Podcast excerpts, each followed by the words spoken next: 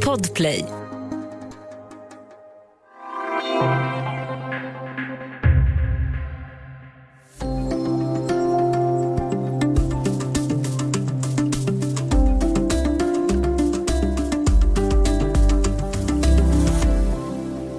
År fyller svensk demokrati 100 år. 1921 kunde kvinnor i Sverige rösta för första gången. Kvinnor och män blev därmed också lika mycket värda för de politiska partierna. Och de röstar olika.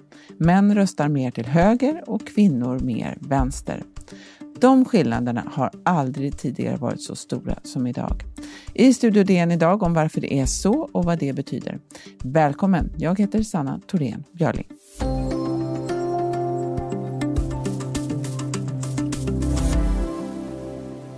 Om det vore val idag och bara männen fick rösta så skulle de konservativa partierna få majoritet och vinna med god marginal.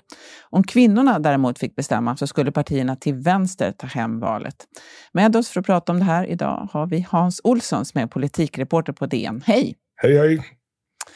Du, jag tänkte att vi skulle vänta bara lite eh, med att titta på det här med kön och partisympatier och bara be dig om att ge oss en bild av det politiska landskapet i Sverige idag. Det har ju förändrats rätt så mycket på senare tid. Vilka politiska block eller grupperingar ser vi just nu? Ja, det har hänt mycket då. under den här mandatperioden. Ja, det hände mycket förra också, men eh, den här har varit exceptionell på många sätt. Och eh, just nu så ser vi en, en eh, gruppering på högerkanten, de, de vill ju inte gärna själva kalla det för ett block, men eh, det, det är i alla fall partier, partierna som består av Moderaterna, Kristdemokraterna, Sverigedemokraterna och så Liberalerna då som har bytt sida kan man väl säga under mandatperiodens gång. Hur har de här väljarströmmarna gått? Vad vet vi om det lite grovt? Här? Liksom Sverigedemokraterna till exempel har ju blivit ett mycket större parti eh, sedan de kom in i riksdagen. Varifrån kommer deras väljare och Liberalernas väljare, vart har de tagit vägen? Ja, Sverigedemokraterna, om man ska prata lite grovt, så har ju de tagit eh, väljare i första hand från två håll. De har tagit från alla håll egentligen, men i första hand från, från två håll. Och det, det är ju från eh, eh manliga socialdemokratiska väljare, eh, alltså LO-väljare helt enkelt, och från Moderaterna. Det, det är de stora baserna som ligger till grund för SDs framgångar. När det gäller Liberalerna så de har ju haft den olyckliga sitsen att de har tappat åt två håll. De som, har, som har, är socialliberaler har i stor utsträckning gått till Centern. Medan de som är mer genuint borgerliga, så att säga, de, de har gått till Moderaterna. Så de, de läcker åt flera håll samtidigt. Ska vi säga något också om just hur det ser ut där på mitten, vänstersidan? För att Centerpartiet har ju på något sätt också förflyttat sig eller stått stilla. Eller hur har de blivit isolerade där i mitten? Eller? I mittens rike, ja, som de själva har använt som slogan under eh, flera under tidigare år. De, eh, Centern har ju, har ju motvilligt eh, blivit en del av det rödgröna blocket. Och, och det, det, handlar ju om det här olika värderingsskalor som, som man ofta tar fram i, i eh, inom forskningen just nu, den så kallade Galtanskalan där, där, där eh, de här gröna alternativ och, och, och liberala krafterna eh, har hamnat på en sida i politiken och de mer eh, traditionella eh, och konservativa hamnar på, på den andra sidan. Och där, där har ju Centern tagit väldigt stark ställning för, för eh, de här frihetliga frågorna och eh, har, har tagit eh, också en tydlig position när det gäller invandringspolitiken som gör att de, de har hamnat Eh, i, det rödgröna, i den rödgröna samlingen istället för då tidigare i alliansen med, med de andra borgerliga partierna. Okej, du var inne där på migrationsfrågan till exempel. Det är ju lite drygt ett år kvar till valet. Migrationsfrågan brukar ju vara väldigt stor. Det brukar även vara vårdfråga, lag och ordning och lite så. Vad säger undersökningen om det här? Vilka frågor brukar utkristallisera sig som de som väljarna sätter främst? Ja, där, det har ju varit ganska eh, likartat genom åren här. Att, men det är jobb, ekonomi, välfärd, skola. Den typen av frågor brukar alltid hamna högt på, på väljarnas dagordning. Det, det som har hänt nu är ju att eh, trygghetsfrågorna, det vill säga kriminalitet och, och brottsbekämpning, tillsammans med invandringsfrågorna har, har väckt mycket större intresse bland väljarna. Och det där har vi ju en stor förklaring till, till de här mönstren som vi, som vi ska prata mer om. Så vad vet vi då om vilka som prioriterar vilka områden om man tittar just på kön? Alltså vad prioriterar kvinnor och vad eh, placerar män högst? Vilka frågor? Mm, ja, det blir, det blir återigen ganska grovt såklart, men, men eh, just invandringsfrågor och eh, kriminalitet, det, det, är traditionellt manliga frågor. Alltså män intresserar sig mer för den, de, de frågorna än vad kvinnor gör. Samtidigt så kvinnor eh, intresserar sig mer för välfärdsfrågor. Vad, vad, nu det kan bero på. Det finns en del teorier om att eh, många kvinnor eh, har mer kontakter med barnomsorgen. Eh, de, man har mera man jobbar oftare inom offentlig sektor än vad män gör det, ja, det, det, finns en del teorier kring det, men det, det, finns väl inte någon helt klockren förklaring.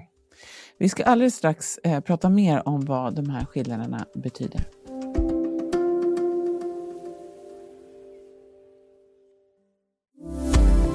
Studio DN idag med DNs politikreporter Hans Olsson. Vi pratar om skillnaderna mellan hur kvinnor och män röstar.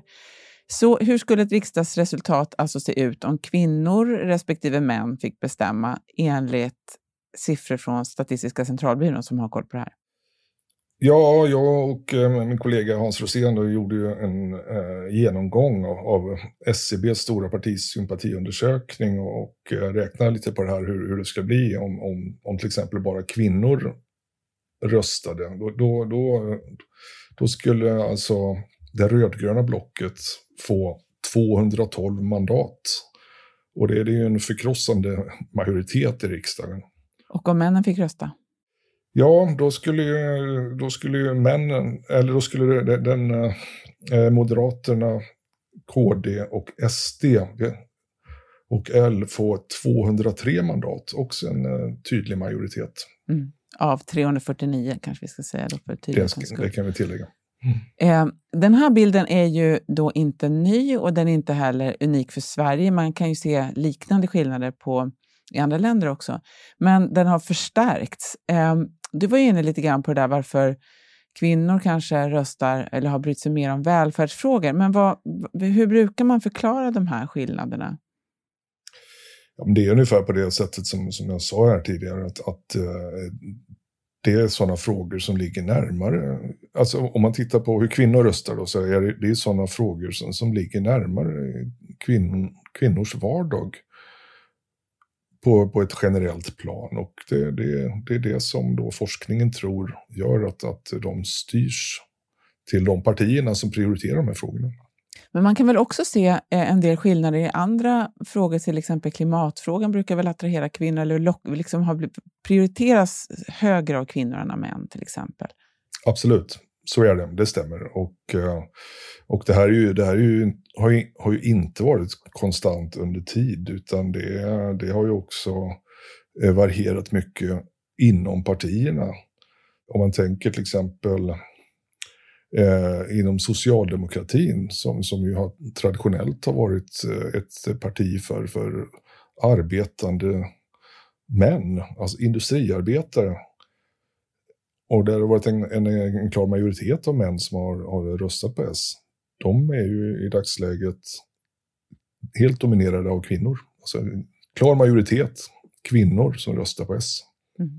De, du, du är inne på det här, de här trenderna har ju förstärkts. Är det, är det fel att säga att, att det handlar mer om att männen har gått högerut än att kvinnorna har gått vänsterut? Eller är det, är det en förenkling?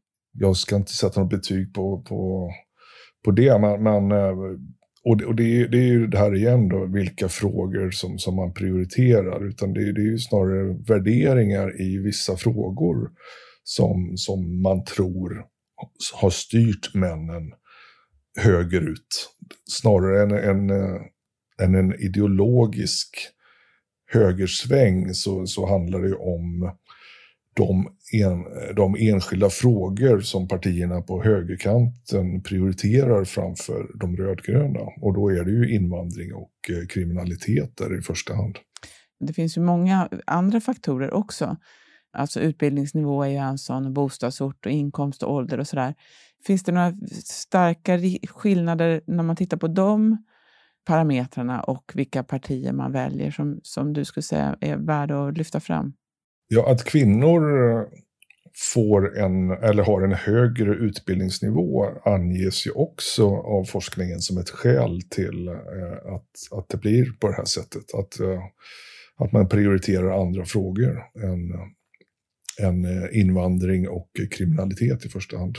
Det känns ju ibland, om man, om man tittar på en del andra länder, eh, man ser ungefär samma trender i, i flera andra länder. Jag tänker på till exempel USA också, där man ser många eh, med lägre utbildning som går långt till höger. Och samma sak ser man ju också skillnaden mellan män och kvinnor. Är det elakt att säga att, att en del män känner sig kanske mer hotade och, och vill gå tillbaka till någonting som kanske var tidigare, alltså någon slags konservativ hållning eh, där så pratar i alla fall många av de som till exempel röstar på Donald Trump att de längtar tillbaka till någon, någon, någon period när de själva hade kanske större makt. Tror du att man ser det? Ja, vad, vad säger du om, om den eh, förklaringen? Ja, den förklaringen finns ju även här i Sverige. Det finns det ju, om än inte alls i samma utsträckning som, som i USA, som också är ett mycket mer polariserat land på, på andra sätt. Så, men, men, absolut, det är en förklaring som lyfts fram här också. Jag har ju ingen eh, liksom, personlig åsikt i den frågan, men eh, av, av det jag har inhämtat då från, från eh, olika artiklar och forskning så, så, så, finns det ju en sån trend här också. Vad betyder det här då om man tittar på de politiska partierna? Vad skulle du säga? Det finns ju två bitar här och det ena är ju vad det betyder för kanske själva politiken som partierna tar fram. Och det andra är ju hur partierna då kommunicerar för att nå väljare, både kanske de som eh, de redan har, men också de som de inte har. Om man börjar med politiken, hur skulle du säga att det här påverkar politiken?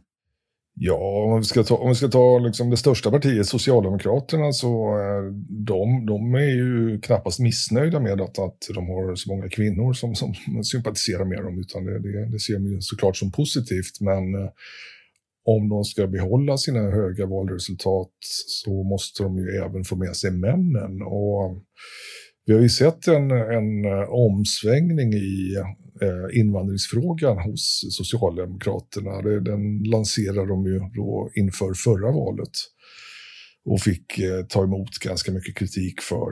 Eh, men att, att, att de vill vara med i den frågan och visa att de också står för en restriktiv migrationspolitik. Det är väldigt tydligt, men där har de, har de ju bromsats av att de sitter i en regering eh, tillsammans med Miljöpartiet som inte vill ha det på samma sätt som, som socialdemokratin.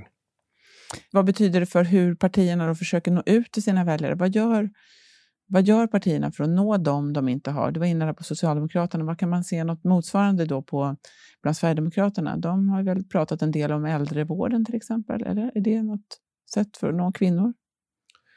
Sverigedemokraterna har, har eh, alltså deras framgångar bygger ju mycket eh, helt och hållet på deras hållning i, i invandringsfrågan. Det är nog många som ser Sverigedemokraterna som ett eh, enfrågeparti i stort sett de, de försöker ju bredda sig nu och eh, bland annat då när det gäller pensionerna, där de försöker ta en position. Och eh, försöker komma in på lite fler områden än, än vad de har varit tidigare. Och det är nog av flera skäl. Ett det är nog att de känner att de får, har börjat få lite konkurrens i invandringsfrågan från eh, framförallt Moderaterna och Kristdemokraterna, men, men också att om de ska lyckas med de ambitioner som de faktiskt har att bli kanske det största partiet i Sverige så måste de också göra sig trovärdiga i fler frågor än bara en. Och ja, det, det, det är en sån rörelse som vi ser nu. Det, det säger ju också Richard Jomshoff eh, i den här artikeln som, som eh, alltså partisekreterare Richard Jomshoff säger det. Det du beskriver här är ju en, en större, allt större skillnad i världssynen eller man ska säga, mellan kvinnor och män. Anses det här vara ett problem att kvinnor och män röstar olika eller är det bara en, ett sätt att beskriva verkligheten? Ja, vi ställer den frågan i artikeln också och eh, det svar vi får och den forskare vi pratar med där är ju att det, det, är ju, det går inte att säga att det är ett problem utan eh, så länge alla frågeställningar finns representerade genom de partier som, som man kan rösta på så, så då är det är ju demokrati. Man får ju lägga en röst på de man ligger närmast, så att säga. Så det, det är problem. Nej, det, det, det ser inte jag heller.